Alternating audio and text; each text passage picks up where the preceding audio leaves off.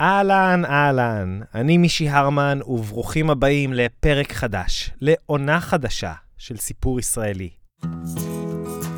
הרבה זמן לא היינו באוויר, כמעט שנתיים. ובזמן הזה, בניגוד למה שניתן אולי לחשוב, לא שקטנו ולא נחנו. הפקנו עוד עונה שלמה באנגלית שאתם מאוד מוזמנים להאזין לה, וגם טרנו ברחבי העולם עם מופעים חיים. אבל עכשיו הגיע הזמן לחזור קצת למקורות, ולאהבתנו הראשונה, סיפור ישראלי. והאמת, שם אני גם רוצה להתחיל את העונה הרביעית הזאת, בשם שלנו, סיפור ישראלי. אי שם באמצע 2011, כשהתיישבנו לבחור שם לפודקאסט שלנו, היו לנו כל מיני רעיונות. יש לי עדיין בבית את הרשימה.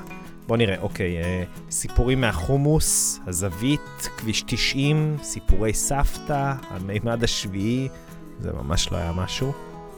בסוף התבייתנו על סיפור ישראלי. אפילו שידענו מיד שזה שם קצת יומרני. אז נכון, זה לא הסיפור הישראלי. אבל עדיין, איך אפשר לספר סיפור של מדינה, של עם, של מקום? איך יוצאים מתוך הבועות הקטנות האלה שלנו, ויוצאים לחפש סיפורים ישראליים, כאלו שלא היינו מגיעים אליהם אחרת, של אנשים שסביר להניח שמעולם לא היינו פוגשים. בסוף התבייתנו על סיפור ישראלי, אפילו שידענו מיד שזה שם קצת יומרני. אז נכון, זה לא הסיפור הישראלי. אבל עדיין, איך אפשר לספר סיפור של מדינה, של עם, של מקום? איך יוצאים מתוך הבועות הקטנות שלנו, ויוצאים לחפש סיפורים ישראליים? כאלו שלא היינו מגיעים אליהם אחרת, של אנשים שסביר להניח שמעולם לא היינו פוגשים. עם מי מדברים? אילו סיפורים מספרים?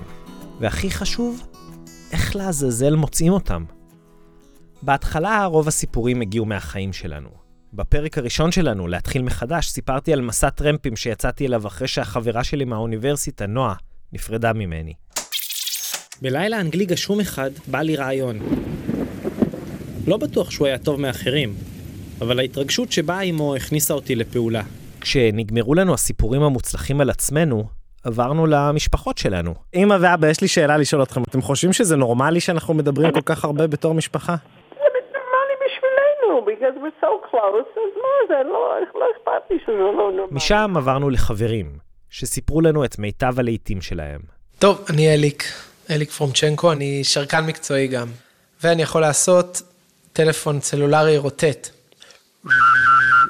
עם הזמן הרחבנו את המעגלים לשכנים ואנשים בשכונה. הנה למשל השכנה שלי איסקה מנחלאות.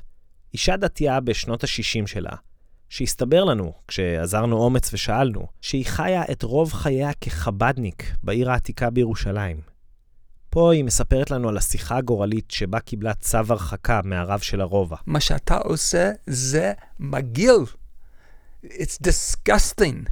עכשיו אני לא רוצה שאתה תישאר במשרד שלי. לך, תצא. או בסיפור של מאיה קוסובר, שציידה זוג חברים שלה שנסע לנפאל במכשיר הקלטה. רגע הייתה רעידת אדמה, אני כולי רועד. הכל בבית נפל, רצנו מהר לילדים. במה שהפך לימים לצלילה מרתקת לתוך עולם הפונדקאות הבינלאומי.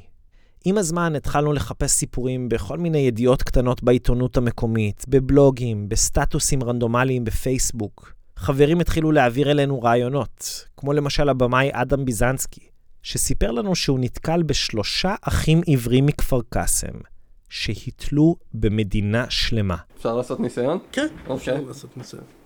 אפס, חמש, ארבע, שלוש, סולמית. סולמית אתה יודע? פצחנו בפרויקטים שעזרו לנו לפלח את האוכלוסייה ולהכיר קהלים חדשים.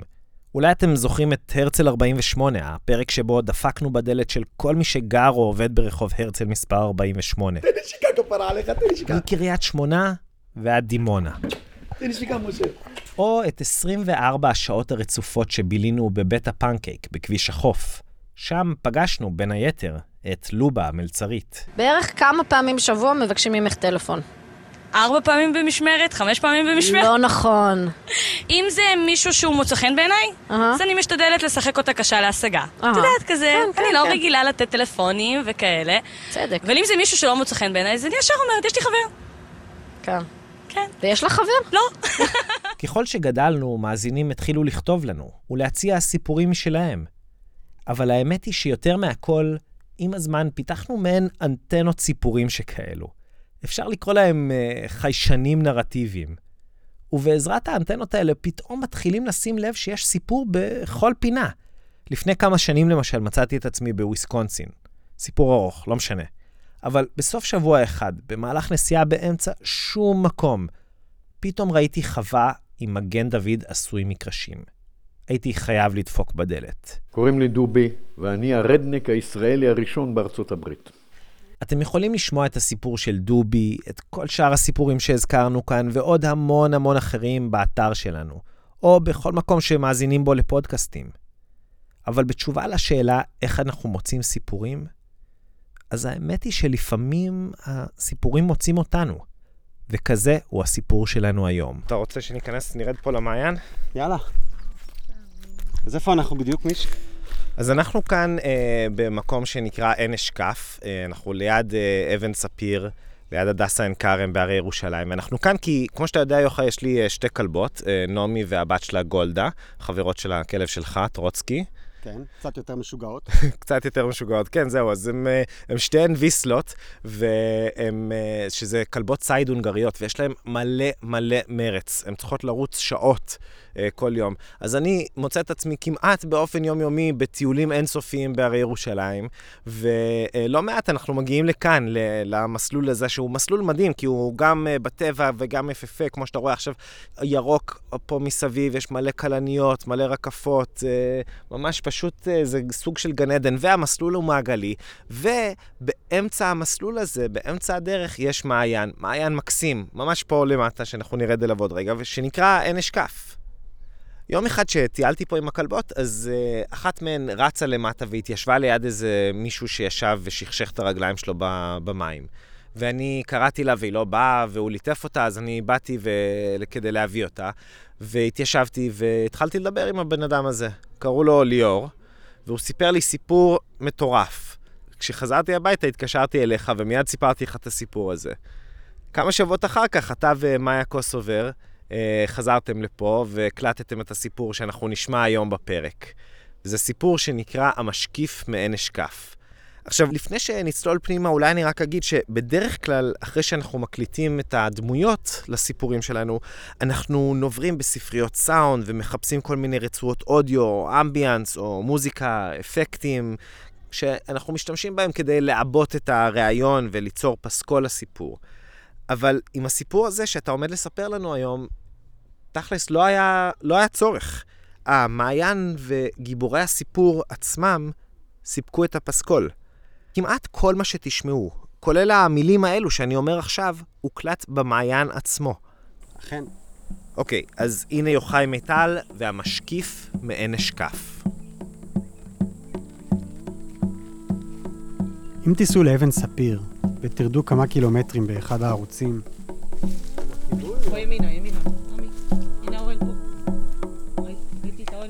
באיזשהו שלב תבחינו בטיפוף עדין מלווה בשירה חלומית. כששמענו את זה, המשכנו לכיוון הכל עד שפגשנו את ליאור, שאתם שומעים פה מנגן על כחון, קופסת עץ שיושבים עליה ומתופפים, ורחל פורטת על הבגלמה, מין בוזוקי טורקי, ועל מיתרי הקול שלה. פה שתי מעיינות שנקראים עין השקף, מאוד מדהימים, כל מי שמכיר ממליץ. אה, כאילו, מעיין אחד שהוא פעיל רוב כל שנה, יש בו מים, משם אנחנו שותים גם את המים. אפילו אם אין לך אוכל, יש פה מלא עצים שאתה יכול ללקט מהם, יש פה אגסים, יש פה אה, חרובים, יש פה דברים שאפשר לאכול. ליאור הוא בן 37. במצטבר הוא חי במעיין מעל עשור. קמים בבוקר, בוקר זה זריחה, זה יכול להיות חמש וחצי בבוקר, זה יכול להיות שש. אמ, מביאים מים מהמעיין, חוזר לפה, אוסף עצים. אני לא אוסף בכמויות עצים, כי אני גם שומר לאחרים, זאת אומרת, גם אחרים ירצו. אז אני לא אוסף טונות של עצים, אני חותך בדיוק לאותו יום, לאוכל. משתדלים מאוד לא לא לקחת מהטבע יותר מדי, כאילו, להשאיר אותו כמו שהוא. קריאת ספרים, הולכים לעיר בשביל לנגן, בשביל נדבות. נוסעים למדרחוב או לעיר העתיקה, לרוב בעיר העתיקה. וזהו, חוזרים הבית, אה, שקיעה, שמונה בערב הולכים לישון. השכנים שלי זה החיות, כן? ויש פה המון. אני יודע יותר טוב מכולם פה, יותר טוב מכל הפקחים, איפה איילות עוברות, אני יכול להראות לכם את זה אפילו. איפה, איפה יש צבים, ואיפה יש אה, עכברים, ואיפה יש תנים שגרים כאילו בקהילות שלהם, הכל אני יודע פה. אני יודע כל מערה ומערה, כל אבן ואבן מכיר. יש פה צפרדע, שהשריצה פה אפילו.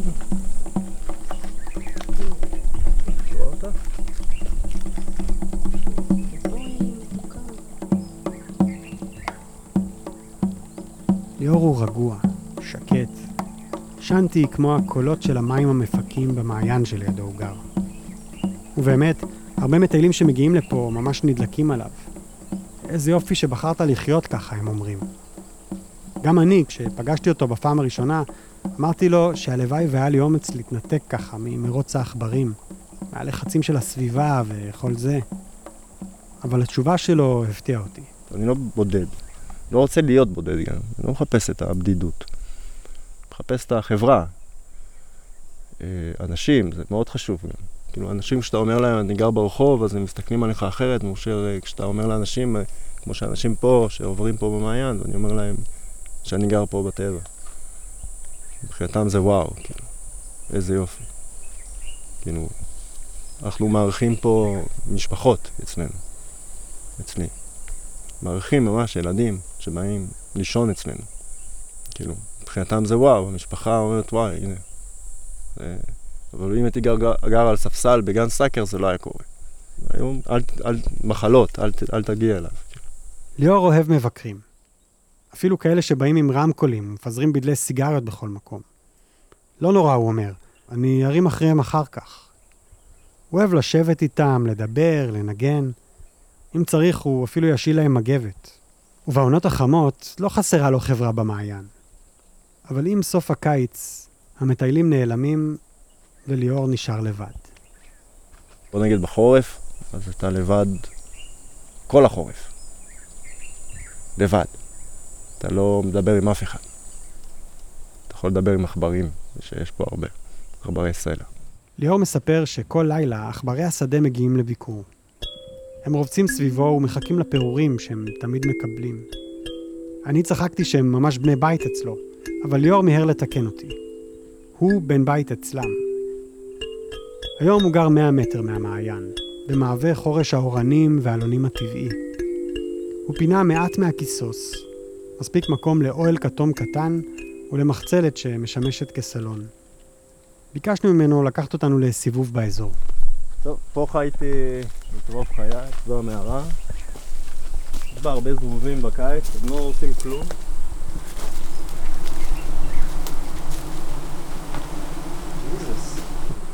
פיצי. ואדם אחד זה בחורף, זה מושלם, יש פה תנור עצים שעומד פה עם קמין, נכנס בפנים, זה מחמם את כל המערה? זה מחמם הכל. המערה הקטנה, אולי שני מטר רבועים. המערה הזו הייתה בגובה הזה, אני חפרתי אותה. אתה יכול לעמוד בה זקוף, ליאור אומר בגאווה, ונמתח בעצמו עד שהפדחת שלו מגרדת את תקרת הסלע. יצאנו החוצה כדי לברוח מהזבובים, ישבנו בצל האורנים, ליאור הצית סיגריה מגולגלת, והתחיל לספר לנו את סיפור חייו. ניחשנו שאנחנו עומדים לשמוע סיפור קשה, אבל הנינוחות של ליאור לא הכינה אותנו בכלל לעד כמה קשה. ליאור סיפר לנו שהוא נולד באשדוד, ילד שלישי בין חמישה אחים. ולרי, דנית, קארין אה, ולירון. מתחילת חייו הוא עבר ילדות מסובכת וקשה. אמא שלו הייתה פגועת נפש שלא קיבלה טיפול, והיא הייתה מכה אותו ואת האחים והאחיות שלו. פעם אחת שרפה לאחותו הגדולה את הידיים כי היא חשדה שגנבה לה כסף מארנק. כשהוא היה בן תשע, אבא שלו נואש מהניסיון להתמודד עם מחלת הנפש של אשתו ונטש. אמא של ליאור לקחה את כל הילדים והיגרה לביון, עיר בצד הצרפתי של חבל הבסקים. אימא שלי הכירה, הכירה גברים, ואחד הגברים שהיא הכירה אהב ילדים. אהב יותר מדי ילדים. אה, אימא שלי העסיקה אותנו בפורנוגרפיה המון שנים, אה, עם מבוגרים, עם האחים שלי, עם האחיות שלי. זה התחיל מגיל 12 עד 16-17. עד שהצלחתי לברוח, כי היה צריך לברוח. ליאור מדבר על החוויה הקשה הזאת בצמצום ובריחוק. הוא מנסה להיפתח, אבל לא באמת יכול לסמוך עלינו. אני לא סומך על אף אחד, הוא אומר לנו בשקט. לא בקטע מאשים או אגרסיבי, כמעט מתנצל. יום אחד, כשאף אחד לא שם לב, ליאור לקח את אחותו הקטנה ביד. שהייתה קטנה, בת תשע עוד. הייתה קטנה. הם חמקו בשקט מהבית. ליאור פחד שאם ילך לרשויות יפרידו ביניהם, אז הם הלכו לגור ברחוב. גרנו מתחת לגשרים, מערות כאלו, תת-קרקעיות, ביובים, חיינו... החורף שם הוא לא חורף של פה. החורף שם הוא חורף, כאילו, שלגים, הרבה דברים קשים מאוד. עם, עם אחות בת תשע, עשר, זה מאוד קשה. הושטנו יד ברחוב, אבל הרבה הרבה הרבה. אחד הדברים המדהימים בליאור זה עד כמה הוא נטול כעס, אפילו כלפי אימא שלו. מצד שני, בחוסר הכעס הזה, מסתתרת איזו עצבות נוראית. לא צריך לעצור אותה או להכניס אותה לכלא או משהו, רק פשוט לטפל בה. שיהיה מישהו שיטפל בה, כאילו. לא, להכניס, לא צריך בית סוהר. לא צריך, אה, מה שהיה היה, נעבור את זה. אחרי שנה וחצי ברחוב, ליאור ואחותו הצליחו לחסוך מספיק כסף לכרטיס טיסה כיוון אחד לישראל. אבל שניהם היו קטינים ולא יכלו לצאת מצרפת בלי אישור ממבוגר אחראי. אז ליאור שיקר שאימא שלו נכה, זייף חתימה על מסמכים, ושניהם הצליחו לעלות על מטוס לכיוון בן גוריון. הם חלמו שבארץ יעזרו להם, בלי שינסו להפריד. ליאור ניגש עם אחותו למשרד הרווחה עם אופטימיות זהירה בלב. הוא עמד להפוך לבן 18, וברווחה נתנו לו ביד צו ראשון, והודיעו לו שהוא צריך להתגייס. זה דווקא יעשה לך טוב, הם אמרו. מסגרת וכל זה. את אחותו דנית שלחו למשפחת אומנה, והוא לא ראה אותה מאז. כמה חודשים מאוחר יותר, ליאור הסתפר קצוץ והתייצב בבקו"ם. אה, חצי שנה טירונות, שהחזיקו בדיוק שלושה חודשים, כי אני לא מצליח להיות במסגרת. ואז השתחררתי אה, על פרופיל 21. בלי גב כלכלי, רדוף על ידי חובות שירש מההורים לפני שאבא נעלם ואימא ברחה לצרפת, ליאור הרגיש שאין לו לאן לפנות. אז הוא הלך לגן סאקר בירושלים. מבית החייל לגן סאקר ביום אחד בעיר. וזהו, המשכתי להיות ברחובות. אוכל מפחי זבל וגנבות ומעצרים ולישון בבתים נטושים. זה הרבה שתייה, הרבה אלכוהול, סמים. סמים, כל חיי נגעתי רק בגראס. זאת אומרת, לא ישנתי, לא נגעתי בשום דבר שהוא מעבר לזה. ליאור העביר חמש שנים קשות ברחובות של ירושלים. עד שערב אחד גררו אותו ליום הולדת של חברה, במעיין ליד אבן ספיר. הגעתי לפה עם חפלה, היה חפלה, ערב כזה שעשו פה מדורה עם מוזיקה. הגענו לעין השקף באמצע הלילה, כאילו, לא, לא ראיתי איפה אני, אני הולך או כמה קילומטרים. הגענו לפה, אספנו עצים, עשינו מדורה, שמח כל הלילה, מוזיקה. קמנו בבוקר, כל החבר'ה, שהיינו תה, קפה, כל אחד התקפל. נשאר הרבה אוכל, אני זוכר קרטון עם ירקות. לכל אחד מהחבר'ה היה מה לעשות ואיפה להיות, אבל לא לליאור. אז הוא נשאר. הסתובב בשטח, גילה את המקום, ופתאום צצה בתוכו תחושה חדשה ולא מוכרת. תחושה של בית. שתי הלילות הראשונים פה עשיתי בתוך המערה של עין השקף. כולם הלכו ואתה... כולם הלכו ואני נשארתי. היה לי שק שינה, היה מזרון שטח כזה, טיולים, וחייתי פה. הערב הזה היה לפני כמעט 12 שנה. לפני שש שנים הוא לקח פסק זמן מהמעיין וניסה לחיות בעיר כמו כולם. אבל החובות וחוסר היכולת להתמודד עם מסגרות חנקו אותו, ובתחילת 2009 הוא חזר. במשך השנים הוא מתחזק את המעיין.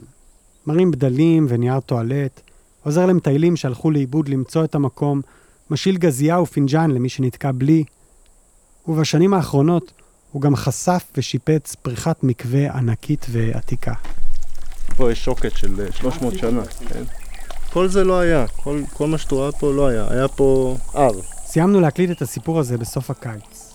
ליאור בדיוק סיים את עבודות הטיח, והייתה איזו התרגשות וציפייה לקראת גשמי החורף, שיזרמו לכאן וימלאו את הבריכה.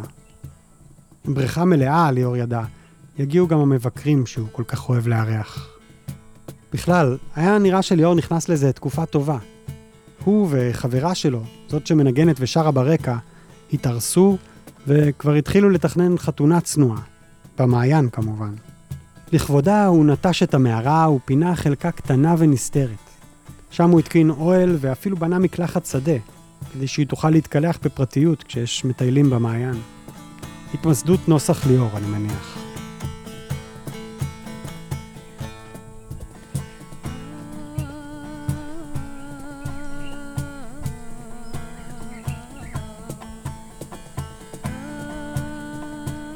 אבל די מהר דברים התחילו להתפורר. מלטיצב אה, מפקח אה, שמורות היערות פה, שמורות היער, בפיקוח שטחים פתוחים. ראיתם איפה אני נמצא? לא רואים את זה. זה הלשנה, וכנראה שמישהו...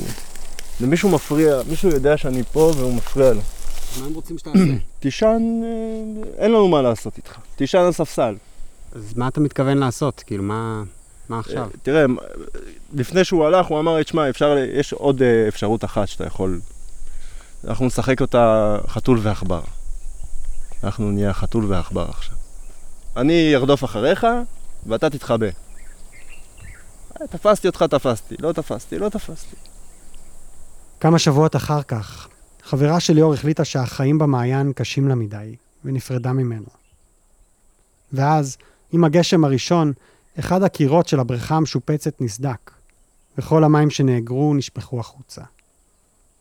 אבל ליאור לא מוותר, לפחות בינתיים. הוא ממשיך לשחק חתול ועכבר עם הפקח, ומחכה לקיץ כדי לתקן את הקיר שנסדק. יש לי תחושה שגם אם המדינה תשבור אותו בסוף, ותאלץ אותו להיכנס לדיור מסובסד כזה או אחר, המעיין תמיד יהיה חלק ממנו. כשליאור היה הומלס, באמצע עיר שוקקת חיים, הוא היה יותר לבד מאשר בתוך היער. לפחות כאן, כשאנשים כן מגיעים, הם מדברים איתו ולא נגעלים או מפחדים ממנו. אין אשקף שינה את חייו.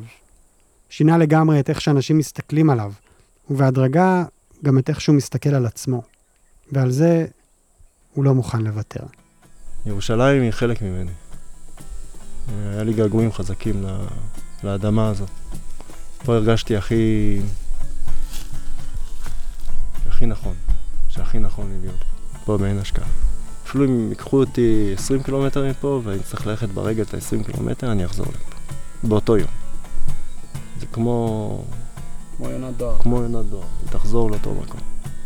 אבל פה אני מרגיש בבית.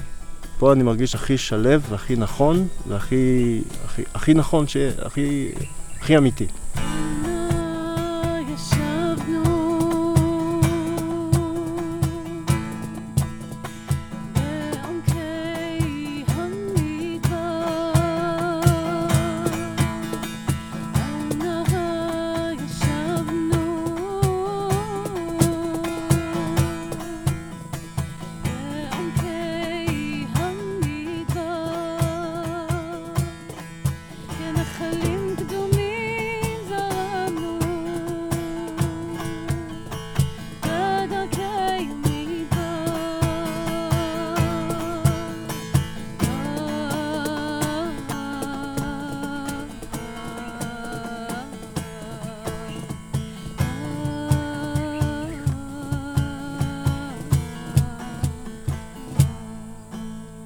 יוחאי מיטל.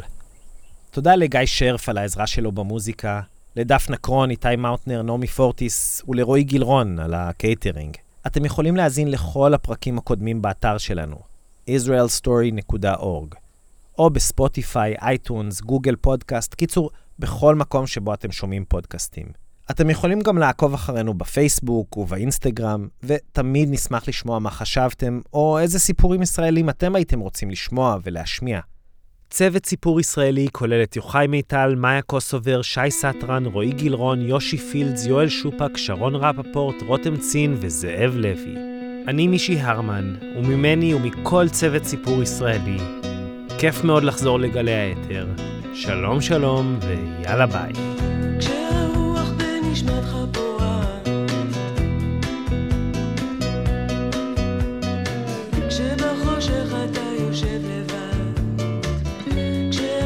השמש לא